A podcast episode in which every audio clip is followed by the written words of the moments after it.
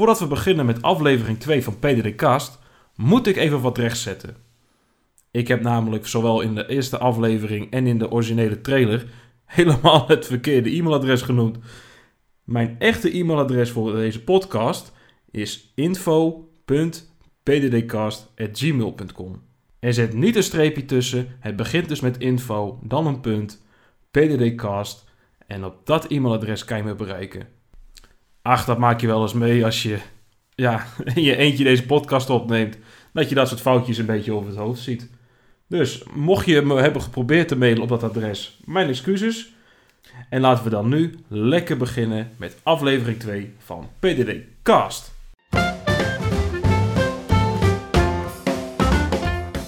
Hallo, leuk dat je luistert naar PDD Cast. Het podcastkanaal door en over jongeren met autisme, ADHD of andere gedragsstoornissen. Mijn naam is Joran Onklin en ik merk in mijn dagelijkse leven dat er heel erg negatief wordt gesproken over deze groep. Het gaat eigenlijk altijd over wat deze jongeren niet kunnen. Daar wil ik verandering in brengen. Op dit podcastkanaal ga ik in gesprek met jongeren met deze sociale labels. En we gaan het vooral hebben over hun dromen, hun talenten en hun prestaties uiteraard. Deze week wat meer achtergrondinformatie over mij. Hoe zie ik eigenlijk het leven als autist? Tegen welke problemen loop ik aan? En wat doe ik eraan om een toch zo mooi mogelijk leven te leiden? Veel luisterplezier! Eerst wil ik even zeggen bedankt. Ik vond het vorige keer erg spannend om mijn allereerste aflevering op te nemen. En vooral om te delen op, nou ja, in ieder geval Soundcloud en andere podcast apps. En ik was een beetje bang voor de reactie die ik ervan zou krijgen. Echter hebben heel veel mensen mij laten weten dat ze de podcast erg leuk vonden om te luisteren. Dus aangenaam verrast. Dank jullie wel voor deze positieve verhalen en reacties. Maar er waren wel nog een aantal opmerkingen. En ik wil eigenlijk deze aflevering gebruiken om die opmerkingen wat uh, te behandelen. Wat ik vooral te horen kreeg namelijk, was het volgende. Erg leuk zo'n lijstje. Daar hebben we heel veel aan en het was erg amusant. Maar eigenlijk weten wij nog niet zoveel van jou. Dus hoe zit het nou met jouw kant van het verhaal? PDD Kast is toch juist om verhalen te delen over sociale labels. Dit lijstje was wel leuk, maar hoe zit het met jouw verhaal? Wat nou als jij mee zou doen aan de andere kant en mee zou doen aan PDD Kast? Daarom gaan we vandaag het hebben over mijn verhaal. Mijn verhaal als autist, over mijn verleden, over uitdagingen. Nou, eigenlijk zoals Peter de Kast in eerste instantie bedoeld is. En omdat we dus nog niet een gast hebben deze keer, nou, hebben we eigenlijk een soort klein interview met mezelf. En dat vind ik eigenlijk wel leuk om te doen deze keer. De eerste vraag die ik eigenlijk uh, van vrijwel iedereen terugkreeg die de podcast heeft geluisterd. Hoe zit het met jouw diagnose? Hoe is die reis gegaan? Wat, wat kan je daarover vertellen? Nou, dat is een hele goede eerste vraag. Hè? Ik kan me voorstellen dat er heel veel bijzondere verhalen zijn van autisten, van mensen met ADD, mensen met iets anders, Asperger of noem het maar op. Ik kan me voorstellen dat er hele bijzondere verhalen zijn over het vaststellen van een diagnose. Maar die heb ik niet. nee, um, hoe het eigenlijk bij mij zit, ik weet niet beter. Ik weet niet beter dan dat ik mijn hele leven al PDD NOS heb. Dat is eigenlijk bij me vastgesteld toen ik heel klein en heel jong was al. Ik uh, kon als kind zijn eigenlijk moeilijk tot geen contact maken met medeleerlingen of ouders of andere familieleden. Waardoor het eigenlijk wel heel snel duidelijk was dat er iets niet helemaal goed zat met mijn sociale skills en met mijn mentale gesteldheid. Mag ik dat zo noemen? Nou, vind ik wel een beetje scherp. Nou, je begrijpt in ieder geval wat ik bedoel. Dat ik iets anders functioneerde in mijn brein dan andere uh, leeftijdsgenootjes. En toen is er eigenlijk op hele vroege leeftijd dus al PTD-NOS vastgesteld. En mijn allereerste jeugdherinneringen überhaupt, ja, is eigenlijk op het speciaal onderwijs. En uh, ik zat daar vanwege mijn, uh, mijn diagnose, mijn sociale labeltje. Dus ja, sorry, ik heb geen spannend verhaal over uh, psychiaters die me hebben gescand of uh, whatever. Ik ben Peter Nos is een deel van mij. En ik kan het eigenlijk niet uh, makkelijker maken dan dat.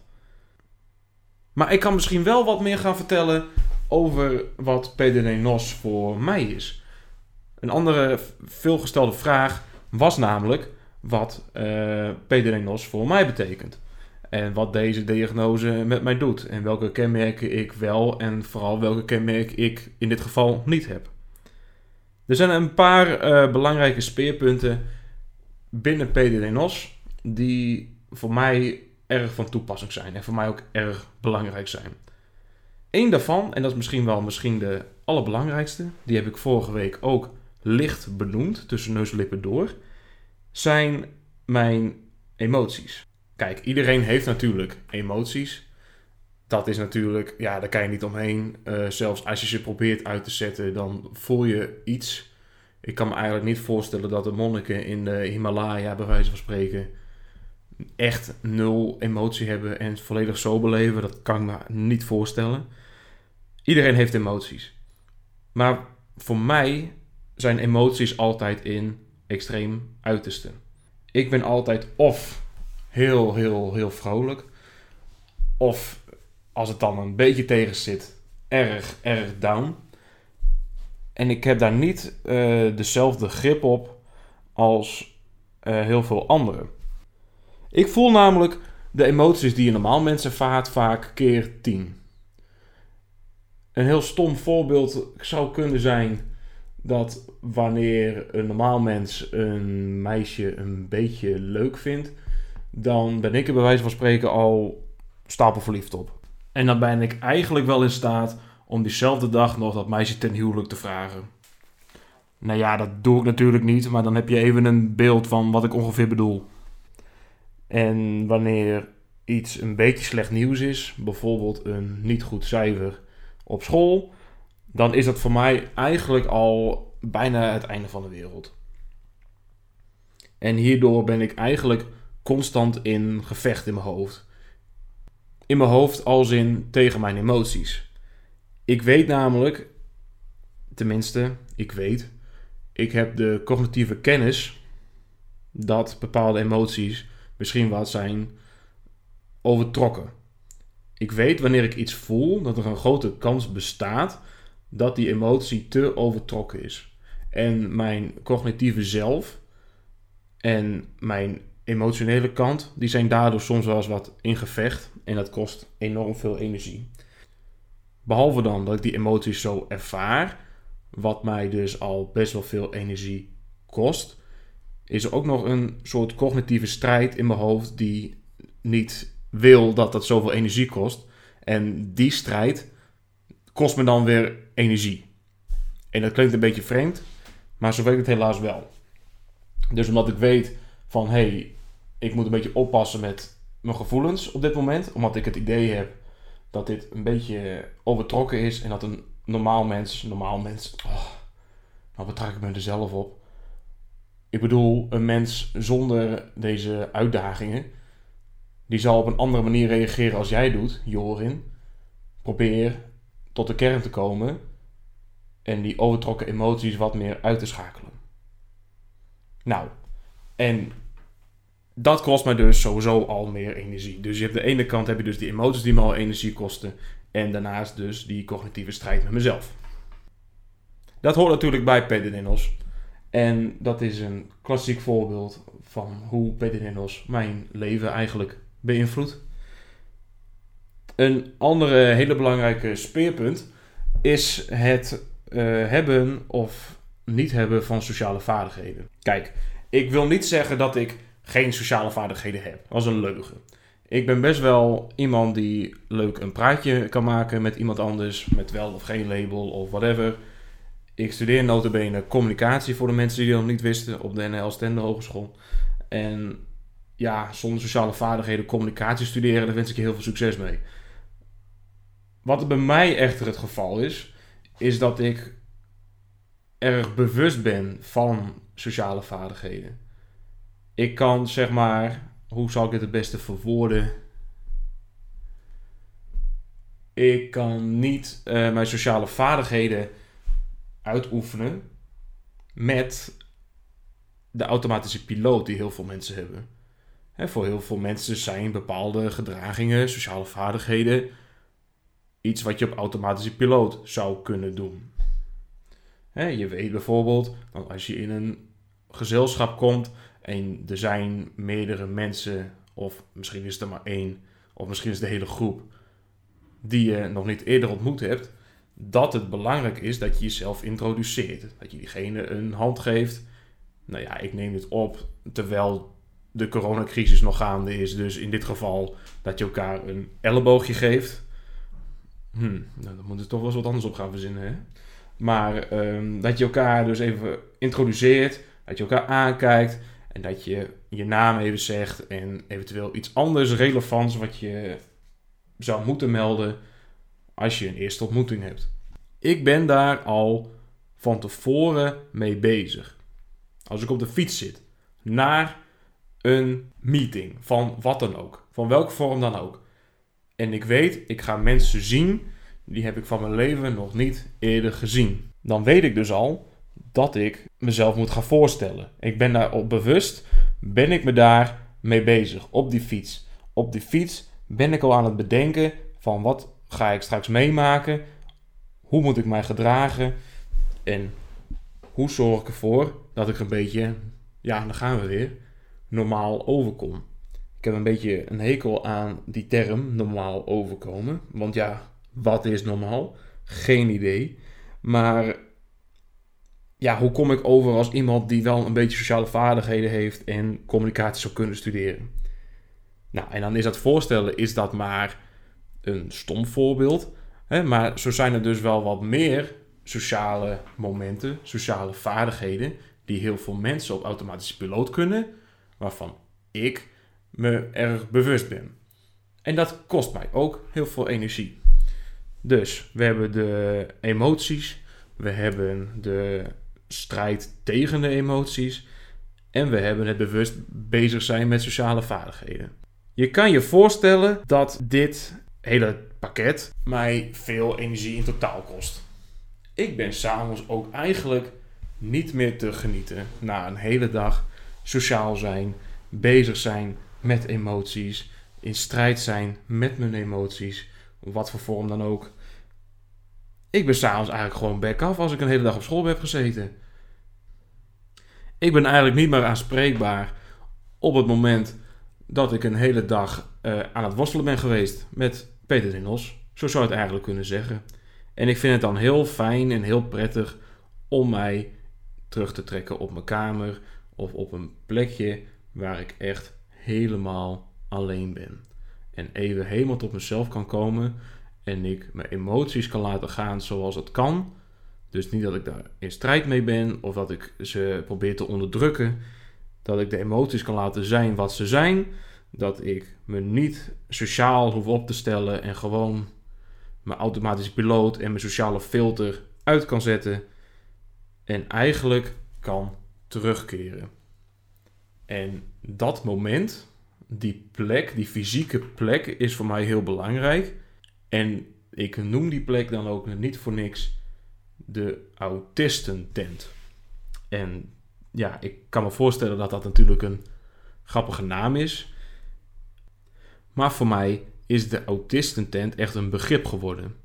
Vroeger, nou ja, vroeger zeg ik wel, maar het is stiekem nog wel een beetje zo, moet ik heel eerlijk bekennen, was dat letterlijk een laken over mijn hoofd, waarbij ik niks meer zag, dat ik me niet anders hoefde voor te doen dan dat ik werkelijk ben, maar ik was gewoon Jorin, de autist, en het mocht even zo zijn. En steeds vaker heb ik die plek iets minder nodig in mijn leven, maar ik zou nooit zonder die plek kunnen. Nou kan ik een heel verhaal van nog wel drie kwartier of anderhalf uur, hoe lang je het ook wil maken, vertellen over hoe het is om met mij te leven.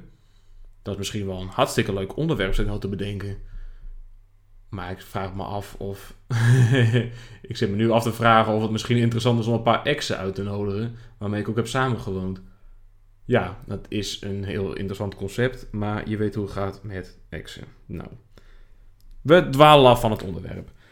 hey, ehm, het betekent dus dat ik die plek wel heel erg in mezelf nodig heb.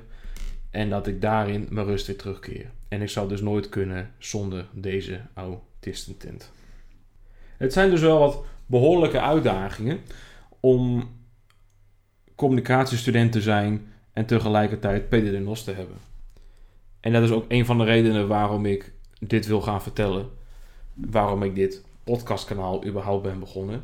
Omdat het misschien wel moeilijk is, maar eigenlijk, ja, het is niet onmogelijk. Ik flik het hem gewoon. Ik zit gewoon op het HBO. Waar vroeger eigenlijk gezegd werd dat dat niet mogelijk was. Hè? Zolang ik al weet, heb ik de diagnose PDNOS, zoals ik aan het begin van de aflevering zei.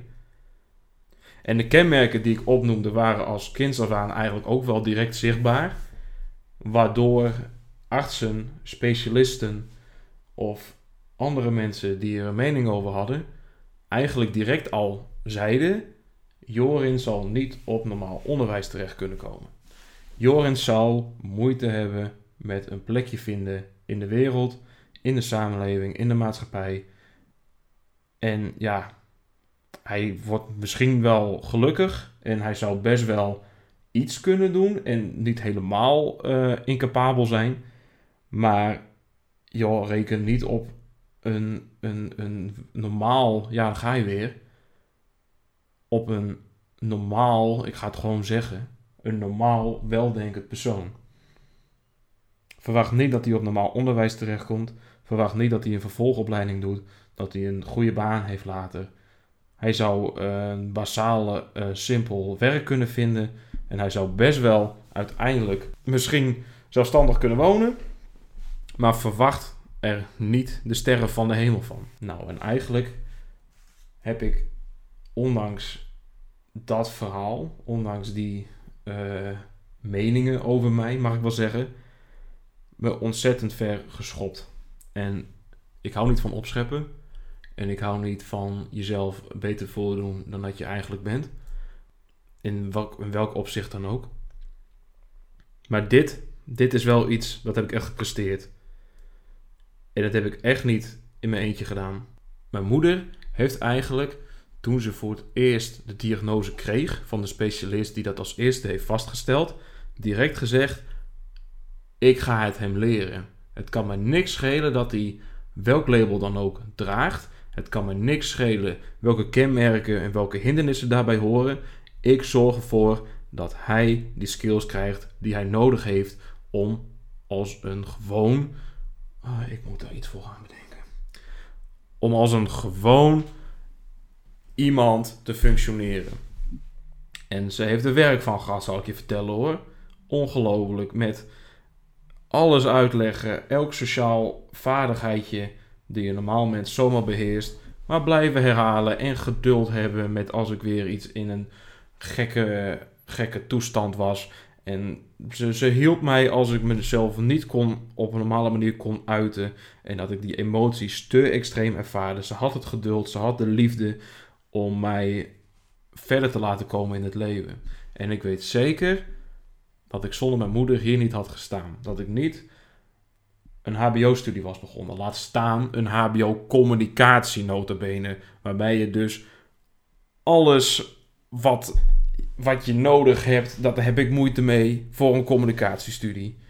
Dus alles wat een normaal communicatiestudent eigenlijk zou moeten hebben, dat zijn eigenlijk de dingen waar ik het meeste moeite mee heb. Maar ondanks dat sta ik hier toch. En dat is mijn verhaal.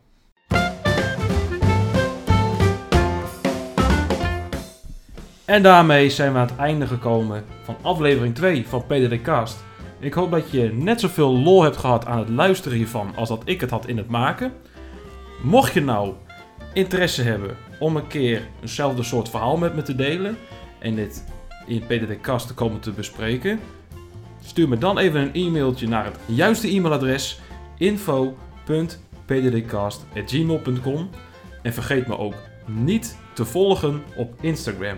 En daar heet ik pdd-kast. Tot de volgende keer!